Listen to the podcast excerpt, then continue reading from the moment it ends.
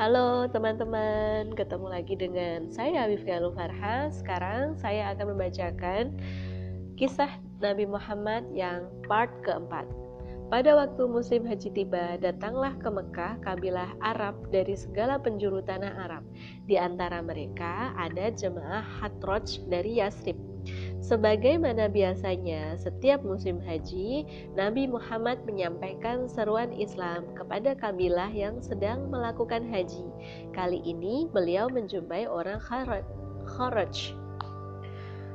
Mereka sudah mempunyai pengertian tentang agama ketuhanan dan kerap kali mendengar dari orang Yahudi di negeri mereka tentang akan lahirnya seorang nabi pada waktu dekat. Segeralah mereka mencurahkan perhatian kepada dakwah yang disampaikan kepada mereka. Pada waktu itu, mereka langsung beriman setelah yakin bahwa Nabi Muhammad adalah nabi yang dinantikan. Peristiwa ini merupakan titik terang bagi perjalanan risalah Nabi Muhammad. Orang Yasrib yang masuk Islam ini tidak lebih dari enam orang, tapi merekalah yang membuka lembaran baru sejarah perjuangan Nabi Muhammad. Setibanya mereka di Yasrib, mulailah mereka menyiarkan kepada kaum kerabat tentang kebangkitan Nabi akhir zaman, Nabi Muhammad yang berada di Mekah. Berkat kegiatan mereka, hampir setiap rumah di Madinah sudah mendengar dan membicarakan tentang Nabi Muhammad.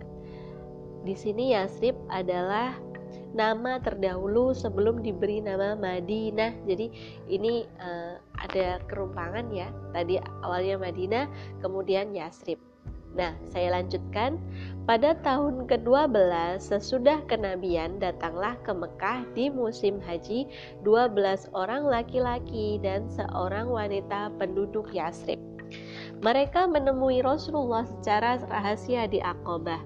Di tempat inilah mereka mengadakan bayat atas dasar Islam dengan Nabi bahwa mereka tidak akan mempersekutukan Allah, tidak akan mencuri, berzina, membunuh anak-anak, fitnah memfitnah dan tidak akan mendurhakai Nabi Muhammad. Perjanjian ini dalam sejarah dinamakan Bayatul Aqabatil Ula atau dalam arti Indonesia Perjanjian Aqabah yang pertama.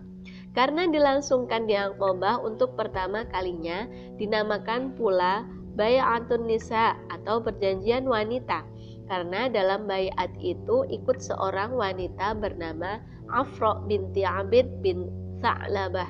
Sesudah selesai pembayatan ini, Rasulullah mengirim Mus'ab bin Umair bersama mereka ke Yasrib untuk mengajarkan Al-Quran dan agama Islam. Maka agama Islam pun tersebar ke setiap rumah penduduk kota Yasrib kecuali beberapa keluarga kecil orang Aus. Pada tahun ke-13 dari kenabian berangkatlah serombongan kaum muslimin dari Yasrib ke Mekah untuk mengerjakan haji. Untuk mengerjakan haji. Orang-orang Islam itu mengundang Rasulullah agar mengadakan pertemuan dengan mereka di Aqabah pada hari Tasrek. Sesudah selesai melakukan upacara haji, keluarlah orang-orang Islam dari perkemahan mereka menuju Aqabah secara sembunyi pada waktu tengah malam. Di tempat itulah mereka berkumpul menunggu Nabi.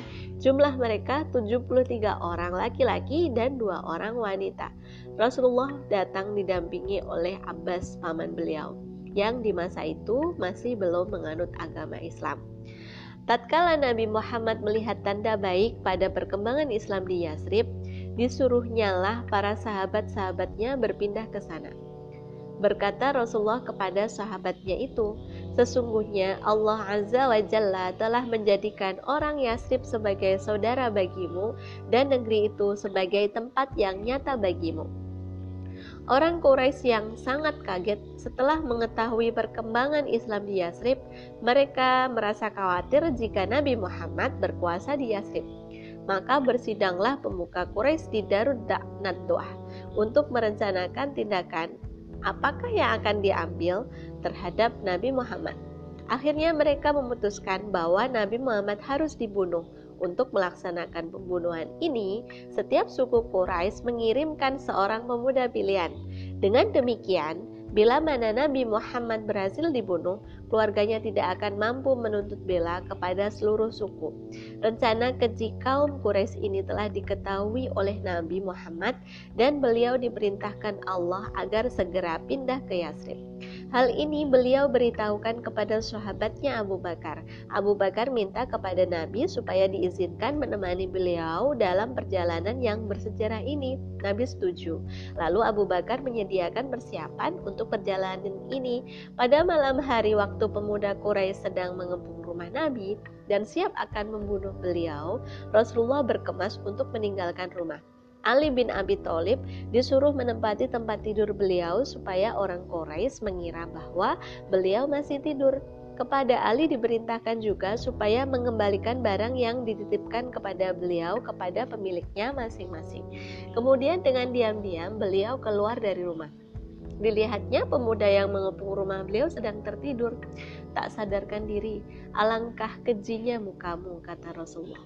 Seraya meletakkan pasir di atas kepala mereka. Dengan sembunyi-sembunyi beliau pergi menuju rumah Abu Bakar. Kemudian mereka berdua keluar dari pintu kecil di belakang rumah dengan menaiki unta yang sudah disiapkan oleh Abu Bakar. Menujulah mereka ke sebuah bukit, uh, sebuah gua sebelah selatan kota Mekah. Lalu mereka bersembunyi di dalam gua itu. Setelah Al-Gojo itu mengetahui bahwa Nabi tidak ada di rumah dan terlepas dari kepungan mereka, maka segera mereka menjelajahi seluruh kota untuk mencari Nabi, tetapi tidak juga bertemu. Akhirnya mereka sampai juga di Gua Sur, tempat Nabi dan Abu Bakar bersembunyi. Tetapi dengan perlindungan Allah, di muka gua terdapat sarang laba-laba berlapis seolah-olah terjadi telah lama sebelum Nabi dan Abu Bakar masuk ke dalamnya. Melihat keadaan yang demikian, pemuda Quraisy itu sedikit pun tidak menaruh curiga. Setelah tiga hari lamanya mereka bersembunyi dalam gua itu dan dalam keadaan sudah dirasakan aman, maka Nabi dan Abu Bakar dengan petunjuk jalan Abdullah bin Uraiqid barulah meneruskan perjalanan menyusur pantai Laut Merah dan Ali bin Abi Thalib menyusul kemudian. Nah, ini adalah kisah Nabi ketika beliau dikejar oleh pemuda-pemuda Quraisy yang akan dibunuh karena apa? Karena beliau dakwahnya sudah berhasil di daerah Yasrib. Nah, ini adalah hijrah yang pertama Nabi ke Madinah. Nanti akan ada kelanjutan bagaimana ya kelanjutannya ketika sudah sampai di Madinah seperti apa. Nah, besok kita akan lanjutkan di part yang kelima Jangan lupa untuk mendengarkan podcast saya. Wassalamualaikum warahmatullahi wabarakatuh.